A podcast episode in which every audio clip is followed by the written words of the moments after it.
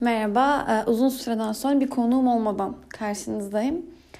Bu kayıt ya da bu podcast birazcık duraksamalı olacak büyük ihtimalle. Çünkü kafam çok karışık ve nereden başlayacağımı, ne anlatacağım tam olarak kestiremiyorum. Dün şöyle bir şey fark ettim. Çok uzun süredir bu podcastlerimde de fark etmişsinizdir belki. Yanında hep birisi var. Yanımda hep birisi varken konuşuyorum, birisi varken düşünüyorum. Eve gelip tek başıma kaldığımda sadece işte temizlik yaptım, yemek hazırladığımı, işte durmadan dizi seyrettim, sonra hemen uyuduğumu fark ettim. Yani bir nevi aslında kendimle karşı karşıya kalmaktan kaçtığımı ve kendi düşüncelerime gömülmekten korktuğumu fark ettim. Ama dün e, stajımın son günüydü bu arada. E, bir yıldır avukat yanında staj yapıyorum. Ve dün son evraklarımı teslim edip ruhsatımı beklemeye başladım. Artık ben bir stajyer değilim. Şu an bir araf dönemindeyim. Yani şu an ne bir stajyerim ne bir avukatım. Şu anda ben aslında hiçbir şeyim. Hiçbir şey olmanın büyük boşluğu içerisinde sanki beni böyle dikdörtgen bir kutunun içine koymuşlar. Ben hani kutunun içerisinde küçücük kalmışım ve sürekli kutuyu sallıyorlarmış gibi hissediyorum. Ben sürekli kutunun köşelerine çarpıyormuşum gibi bir his var içimde uzun süredir. Çünkü e, staj ne kadar zorsa staj bittikten sonra ne yapacağımı düşünmek ve ne olacağımı düşünmek de çok büyük bir soru işaretiydi benim için. Bununla ilgili de hatta şu an dinleyenler arasında e, avukatlık stajına ya da herhangi bir staj yeni başlayanlar varsa şunu da söyleyebilirim. Staj benim için zaten daha önce de çok bahsettim. Zorlu bir süreçti.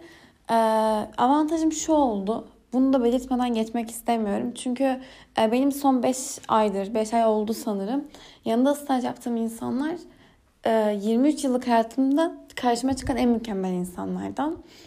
Yani benim için çok büyük bir şans oldu. Ben e, okul bitirdikten sonra, staja başladıktan sonra avukatlığı sevmediğime karar verdim. Ve stajımı başlatmayı çok geciktirdim. İşte ben bunu yapamayacağımlar. İşte ben e, ya bir nevi şu an yaşadığım şeyin farklı bir versiyonunu yaşadım. Hayata atılmaktan korkmak, sorumluluğun bir tıktan senin omuzlarında kalmaya başlayacağının hissinin paniği beni sarmıştı ve ben staja başlamak istememiştim. Mesleğe başlamak istememiştim. Ee, ve ilk staja başladığım yer ben çok inatçı bir karakterimdir. Benim bulduğum yer olacak. Ben kendim bulacağım. Ben kendim ayarlayacağım gibi bir hırsım vardı. Babamla ya da annemle ya tanıdığımız insanlar işte şuraya git buraya git dedikçe ben hayır ben kendim bulacağım diye görüşmeden görüşmeye, telefondan telefona bir şeyler bulmaya çalışıyordum ve e, ben staja başladıktan sonra mesleği sevmediğimi, bana göre olmadığını, işte bu yoğun mesai saatleri, şu bu hani ofis düzeni hiç sevmediğimi ve avukatlığın e, aslında düşündüğüm kadar mükemmel bir meslek olmadığını fark etmiştim. Ve e, benim stajda geçen ilk böyle bir 6 ayım falan hani gerçekten benim için çok yorucuydu. Mental açıdan çok yorucuydu. Ben de stajdan çıktıktan sonra eve yürürken bir anda ağlamaya başlıyordum ve bu ağlamanın sebebini hiçbir şekilde bilmiyordum. Durduk ya mesela eve geliyorum yemek yapıyorum bir anda ağlamaya başlıyordum. Hani benim için çok büyük bir e, kaos vardı o dönemde. Sonra ben bu stajyerden ayrıldım. Bir ay kadar hatta bir iki ay kadar e, farklı şeyler yapmaya çalıştım. Hani biraz evde kaldım, biraz dışarıya çıktım, başka yerlerde çalışmaya çalıştım. Hani e, ve içimden bir ses sürekli şey diyordu ya hani sen acaba bu avukatlığı yapamayacak mısın? Bu sana göre değil mi gerçekten? Gibi bir panik vardı. Sonra Beyman sayesinde biriyle tanıştım ve o biri sayesinde şu an bulunduğum ofisteki insanlarla tanıştım. Ve e, şunu söyleyebilirim ben stajda e, nasıl yapılacağı kadar nasıl yapılmayacağını da öğrendim. E, ve şunu da biliyorum. Ben mesleğe başladığımda çok e, şey bir konuşma oluyor şu an farkındayım. Duygusal ama e, ben mesleğe başladığımda bu sonradan tanıştığım, ikinci altı ayımda tanıştığım insanların desteği sayesinde adım atacağımın farkındayım. Bir nevi bana yalnız olmadığımı, adımlar atabileceğimi, e, adım atabilecek gücümün olduğunu gösterdiler bana. Ve ben ikinci altı ayımı tamamlarken gerçekten e, mesleğimi sevmeye başlayarak, bir şey yapabileceğimi düşünmeye başlayarak ilerledim. Ve geçen haftaya kadar hatta düne kadar ben bir şeylerden gayet emin, bir şeyler yapabileceğini düşünen ve e, staj bittikten sonra da düzgün bir yer bulup, iyi bir iş çevresi oluşturup hani bir başlangıç yapabileceğini düşünen biriydim. Ama dün evraklarımı teslim ettikten sonra artık böyle hani hiçbir şey, hiçbir şey olmanın o boşluğu, Hani ben şimdi ne yapacağım paniği. Bir anda her şey geldi ve şeyi hissettim. Artık ben bir stajyer değilim. Ve bu ruhsat geldikten sonra ben bir avukat olacağım. Hani stajyerken rahatsınızdır. Sorumluluk sizde değildir. Ben yazarım. Birisi zaten kontrol eder. Ben hata yaparım. Hani ben zaten hata yaparak öğrenmek için buradayım. Ama e, avukat olduktan sonraki şöyle bir gerçek de var. E, yeni başlayacağım yerlerde, yeni gideceğim noktalarda ben şu an kendi ofisimi açabilecek bir seviyeye sahip değilim. Çünkü çoğunuzun bildiği üzere ben hani e, Ankara'da yaşıyorum. Ailem Antalya'da. Benim hani çevrem, ailemin çevresi Antalya'da ve avukatlık ne yazık ki çevreyle hani çevresi olanın rahat başladığı bir meslek. Benim an bir imkanım olmadığı için ben bir süre bağlı çalışacağım. Ve hani e, bağlı çalışırken nelerle karşılaşacağım, bana nasıl davranacaklar. Bir anda bunun hepsinin paniği üstüme geldi ve dün hani size anlatamam. O kadar kendimi eve kapattım. Ve e, kimseyi görmek istemedim. Kimseyle telefonu dahi konuşmak istemedim ve içimde çok büyük bir sıkıntı vardı. Hala daha var ve bunu nasıl atacağımı bilmiyorum. Bu sıkıntının benzerini staja başlamadan önce hissetmiştim. Bu geçecek. Bunu da biliyorum. Hani şu anki ben böyle düşünüyorum ama 3 gün sonra hatta belki birkaç saat sonra ben böyle düşünmeyeceğim. Bunun da farkındayım. Ama yine içimde bir yerlerde bunun paniği var. Ben her ne kadar bunu bastırsam da, bunu hissetmesem de, hani evet yapabilirim diye düşünsem de içimde bir yerlerde hep bir panik, hep bir soru işareti olacak. Ben şöyle bir oturdum. Hani hiçbir şey yapmadan önüme hiçbir şey koymadım. Bomboş. Gerçekten duvara bakarak hayatımdaki insanları düşündüm. Şu an o insanların geldiği noktayı düşündüm. Kimin nerede olduğunu, kimin ne yaptığını, kimin bana iyi geldiğini, kimin beni üzdüğünü. Bunların hepsini düşündüm. Hayatımı kuran arkadaşlarımı düşündüm. Kimisine üzüldüm, kimisine çok sevindim, kimisini çok özledim. Çok ilginç gelecek ama e, arayıp hani çoğu insanın gerçekten yanımda olmasını çok istedim. Konuşmak için değil hani oturduğum yerden kalkıp sadece sarılmak için hani çoğunun yanında olmasını çok ama çok istedim. Ya diyorum belki çok ilginç gelecek ama derdimi anlatmak, sıkıntımı paylaşmak için falan değil. Konuşmak için bile değil. Sadece hani sarılmak ve hiçbir şey yapmadan oturmak istedim bazı insanlarla. Ve hani böyle bir imkanım olmadığı için şu an o insanlar benden uzakta olduğu için sadece hani varlıklarını düşünmek bile o an bana iyi geldi.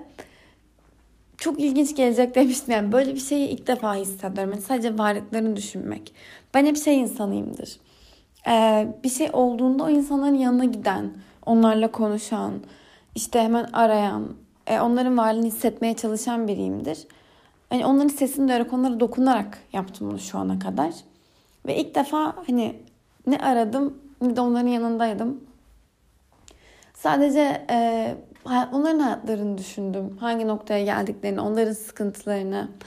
Ve bir noktada sanırım şu yüzden de onları aramadım. E, hepsinin hayatında çok ciddi telaşlar varken arayıp e, onlara bunu onlarla bu düşüncelerimi paylaşıp onları da benzer şeyin için çekmek istemedim sanırım. Ya çünkü şunu biliyorum. Şu an ben 23 yaşındayım ve arkadaşlarımın büyük bir çoğunluğu da 23-24 yaşında. Kimi işe başladı, kimi mezun oldu, kimi mezuna kaldı, kimi şu an işsiz e, hepsinin aslında içinde bastırdıkları benzer hislerin olduğunu, hepsinde büyük bir hayata atılmanın paniği, bir sorumluluk korkusu olduğunun farkındayım. Ha şunun da farkındayım. E, nesil olarak bazı gerisinden geliyoruz. Mesela ben çocukken gerçekten 23-24 yaşım böyle hayal etmemiştim. Ben çok bağımsız, işte çok özgür, kendi istediğini yapabilen, tüm hobilerine yeterince vakit ayırabilmiş, ekonomik olarak her şeyini karşılayabilen biri olarak hayal ediyordum bu yaşlarımda kendime. Şu an ben 23 yaşındayım. Ee, şöyle söyleyeyim size. Yok. Yani bunların hiçbirine sahip değilim. Ne o kadar vaktim var, ne kendi kendi ev kiramı hala kendim ödeyemiyorum. E, hobilerime yeterince vakit ayıramıyorum. Market alışveriş yapmam gerekiyor çünkü. E, yani 20, gerçekten şöyle bir 14-15 yaşındaki ben şu anki beni görse büyümek istemezdi. Durup derdi ki hayır yani başka bir şey yapmalıyız şu anda. Bu benim e, mesleğe dair bir soru işaretimdir aynı zamanda. Acaba avukat olmasaydım başka bir mesleği seçseydim de böyle olurdu sorusu ee, benim içimde çok uzun süredir var. Ben bu bölümü kazandığımdan beri 5 senedir hep böyle e, bir pişmanlıkla yürüyorum aslında. ya evet keyif alıyorum. Yapmaktan keyif alıyorum. Çok güzel. Evet ama acaba hani başka bir meslek ya başka bir bölüm yazsaydım daha mutlu olurdum. Başka bir üniversite, başka bir okul. Ee, ben bu soruyla gerçekten 4 sene boyunca okudum. Ben bu soruyla mezun oldum ve ben bu soruyla staja başladım. Yani şey diyemiyorum. E, çevremdeki insanları çok seviyorum. Bir yandan hani bana hmm, yani konuşamadım. Hani bir yandan şey diyorum. Ya evet bak bu insanlar senin şansın. Sen Ankara'ya gelmeseydin, bölümü okumasaydın bu insanları tanımayacaktın. Bu insanlar senin şansın. Evet bunun farkındayım ve bunun için minnettarım gerçekten. Hani e, bazen duygusal açıdan gerçekten diyorum ki iyi ki buraya gelmişim. İyi ki bu bölümü okuyup iyi ki bu insanlarla tanışmışım. Ve iyi ki 4 sene ben bu kadar zorlanmışım. 5. senede karşıma bu insanlar çıktı. Ama e, işin bir de duygusal olmayan mantıki ve ekonomik yönden baktığımda diyorum ki hani ben neden hukuk? Hani şu an neden bu meslek? Bir yıl staj yaptığın, sonrasında hani her yerde fakültesi olan bir sürü mezun veren bir bölümden mezunsun. Düşüncesi sarıyor beni. O zaman da şunu düşünüyorum. Ya ben şu an kendi açımdan bakıyorum. Dün akşam mesela bunu fark ettim. Ben şu an kendi açımdan bakıyorum. Benim düşündüğüm arkadaşlarım işte kim mühendis, e, kimi mimar hani bir sürü çeşit dişçi hani her şey var. Ama bir noktada hepimiz aslında aynı şeyin içerisindeyiz. Hepimizden çok fazla var artık. Ben 14 yaşındayken e, benim kuzenim 26 ya da 27 yaşında olması lazım. Üniversite yeni bitirmişti. Ve hani şey onun yaşadığı hayat, onun üniversite hayatını görüyordum. Onu biliyordum ve hani ben de büyüdüğümde ona ulaşacağım düşüncesi vardı. Ama ben büyürken e, dünya da çok hızlı bir şekilde büyüdü. Ben büyürken üniversiteye giden insanların sayısı arttı, bölüm sayıları arttı, şehirler değişti ve bir anda hepimiz üniversite öğrencisi olduk. İşte e, hepimiz büyük bir ekonomik çıkmazın içine girdik. Bir anda her şey tepe taklak oldu. Yani şu an yaş teyzeler gibi dünyada ekonomi kötü yavrum falan şeklinde konuşmak istemiyorum sizinle ama yani çok büyük bir çıkmazda olduğumun, olduğumuzun farkındayım. Ve benim gibi birçoğumuzun da aslında bu tarz düşüncelerle boğuştuğunun, paniklediğinin de farkındayım. Böyle bir durumda var. Meslek olarak avantajımızın e, birazcık daha Türkiye'ye bağlı kalmak, Türkiye'nin içerisinde kalmak olduğunu e, biliyorum. Hani evet düşündüğüm arkadaşlarım diğer mesleklerin en azından farklı çıkış noktaları var. Farklı ülke çıkışları var. Benim hani e, Türkiye'de ve benden önce nesillerce devam eden hukukçular, hukukçularla birlikte Türkiye'de kalma, kalmam gerektiğini, kalmak gerektiğini demeyeyim de yani çıkış imkanının, yurt dışına çıkış imkanının daha zor olduğunu farkındayım. Hatta geçen bununla ilgili bir makale okumuştum. Avrupa'da bulaşıkçılık yapsam daha mı iyi şeklinde. Ee, şey üstünde bir makale demeyeyim de size aslında bir anlatı gibi diyeyim. Ee, bir kızı anlatıyor. İşte kızın sevgilisi yurt dışına gidiyor. Kız hukuk okumuş. İşte e, kızın arkadaşı olan bir sohbet üzerine işte Avrupa'da bulaşıkçılık yapsam daha mı iyi aslında buradan diye düşünüyorum gibi bir şey vardı ve beni çok düşündürmüştü. Hatta ondan sonraki birkaç gün böyle e, bu mahkemenin evrak işleri olur. Siz stajınız biterken işte dekont yatırırsınız. Dekont makbuzun çıktısını alıp gider teslim edersiniz falan. Hani aslında mahkemelerin kendi aralarında yapabilecekleri bu şey işleri işte evrak teslim işlerini siz kendiniz gider elinizde alıp teslim edersiniz. Bunu yaparken şey düşündüm. Yani gerçekten burada da ayak işi yapıyorum. Avrupa'da bulaşıklık yapsam daha mı iyi gibi bir düşünce geçti aklımdan. Ee, çok umutsuz bir konuşma olduğunun farkındayım. Bunun için hepinizden özür dilerim. Ama e, bir noktada paylaşma isteğim hiç kimseden tavsiye almadan aslında podcast kaydı olmamın bir nevi sebebi de bu sanırım. İlk başta sizinle anoreksiya sürecimi paylaşmak istemiştim ve bu bir yerden sonra hani anoreksiya haricinde bu süreç haricinde tamamen şeye dönüştü. Benim e, kendimi benimle aynı şeyleri hissettiğini bilen insanlara duyurma isteğime dönüştü. Ve e, podcast kaydetmenin şöyle bir avantajı var. Ben burada konuşuyorum ama kimse durup bana hani lafımı kesip tavsiye vermiyor. Ben kendi içimi döküyorum. Sonra kendi içimde kendi kendime çözüyorum. Podcast'ın bu olayını seviyorum sanırım.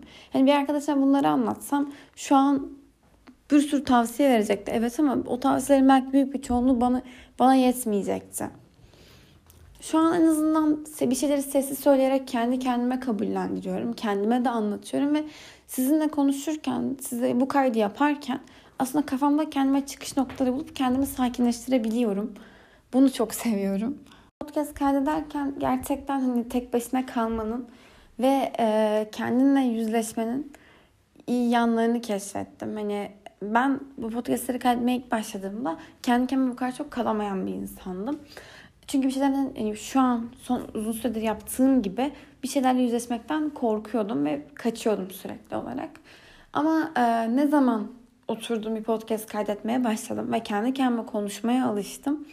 O noktada kendi sorunlarımı da çözmeye ve yalnızlıktan keyif almaya başladım. Böyle benim için çok teşekkür ederim. Hani bu sürece kadar konuklarım, aldığım arkadaşlarım, sizinle konuştuğumuz şeyler, her şey için çok teşekkür ederim. Dediğim gibi birazcık şey bir hani e, içimi döktüğüm bir podcast oldu. Bu süreç, içinde bulunduğum süreç bir şeyin kapanıp bir şeyin başladığı bir sürecin içerisindeyim tekrardan. Şunu da biliyorum. E, bunu hep söylüyorlar son zamanlarda. Şu an içinde bulunduğum bir sürecin bir 2-3 yıl sonra hatta belki bir yıl sonra bile çok güzel geleceğinin ve çok tatlı bir telaş. Aslında çok paniklemişim. Yine her şeyi gözümde büyütmüşüm diyeceğimi biliyorum. Çünkü ben şu an staja ilk başlayan Beyza'ya baktığımda bunu söylüyorum. Her şeyi gözünde çok büyütmüşsün. Kendini çok küçük görmüşsün. Sizinle daha önce bir podcast paylaşmıştım başarısızlık üstüne. Kendi başarılarımızı kabul etmememiz ve kendimizi sürekli aşağıda görmemiz üzerine bir podcast'ti. Hani mesela dönüp kendime o podcast'imi dinletelim. Bak hani sen bunları bunları düşüneceksin. Sen aslında şu an kendi gördüğün kadar başarısız değilsin. Yapabilirsin. Sadece kendine güvenin yok. Kendine birazcık güven derdim. Büyük ihtimalle o Beyza beni dinlemezdi. Hani bunu da biliyorum. Gerçekten dediğim gibi bir yıl sonra ben durup şu sürece baktığımda diyeceğim ki yani neleri dert etmişim. Aslında ne kadar güzel telaşlarmış. Umarım bunu söyleyeceğim güne çok hızlı ve çok kolay bir şekilde ulaşırız. Umarım her şey yolunda gider. Ee, benimle birlikte staj sürecime ortak olan, benimle birlikte mahkemeden mahkemeye evrak taşıyan tüm arkadaşlarıma varlıkları için çok ama çok teşekkür ederim. Gerçekten ne kadar duygusal bir konuşma oldu. Size de beni dinlediğiniz için çok teşekkür ederim. Bir sonraki bölümde görüşmek üzere.